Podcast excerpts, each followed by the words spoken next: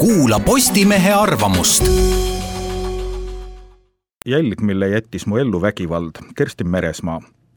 elasin osa oma lapsepõlvest ühes imearmsas aiaga ümbritsetud kortermajas, kus olid mõned trepikojad, igas neist vaid neli korterit. kõik naabrid teadsid üksteist, lapsed mängisid aias koos uka-ukat ja ronisid mööda puid idülliline, kas pole, kuid alati on kuskil ikka miskit mäda.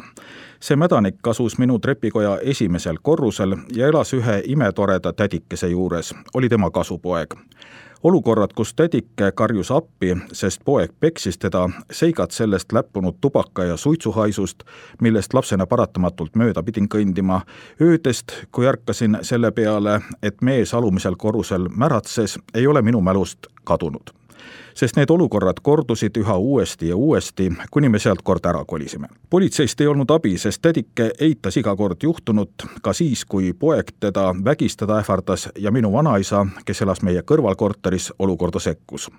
igal õhtul läksin hirmuga magama ja ärkasin ajaga tekkinud ärevuse tõttu iga vaiksemagi paugu peale minule jäid kõigest sellest iga kord lootus, et nüüd on see läbi ja kibe pettumus, kui nägin, et olukord on lootusetu ja abi kohast, kust seda niisuguste inimeste puhul peaks ootama, politseist, jäi tulemata. kord ähvardas üks tolle mehe joomakaaslane, kel mehega maja ees konflikt tekkis, minu ema, kes vahele astus, kui joomakaaslane meest lõi.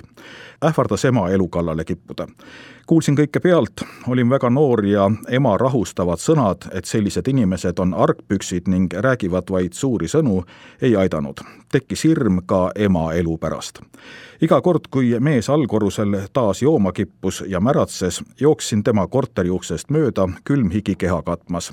ma ei tundnud end turvaliselt ka siis, kui üksi kodus pidin olema ja põgenesin alati kõrvalkorterisse, kus oli vanaisa, tugev ja rahulik satun tänini äärmise pinge alla, kui kuulen kuskil kõvemat pauku või valjemaid hääli.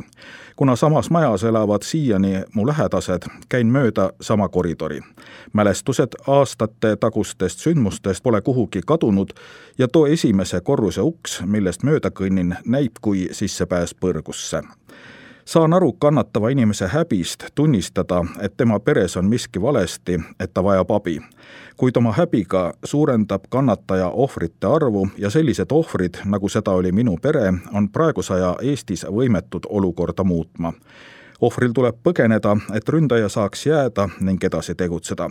kõikjal räägitakse ja innustatakse selliste kurjategijate vastu võitlema, kuid see on võitlus tuuleveskitega.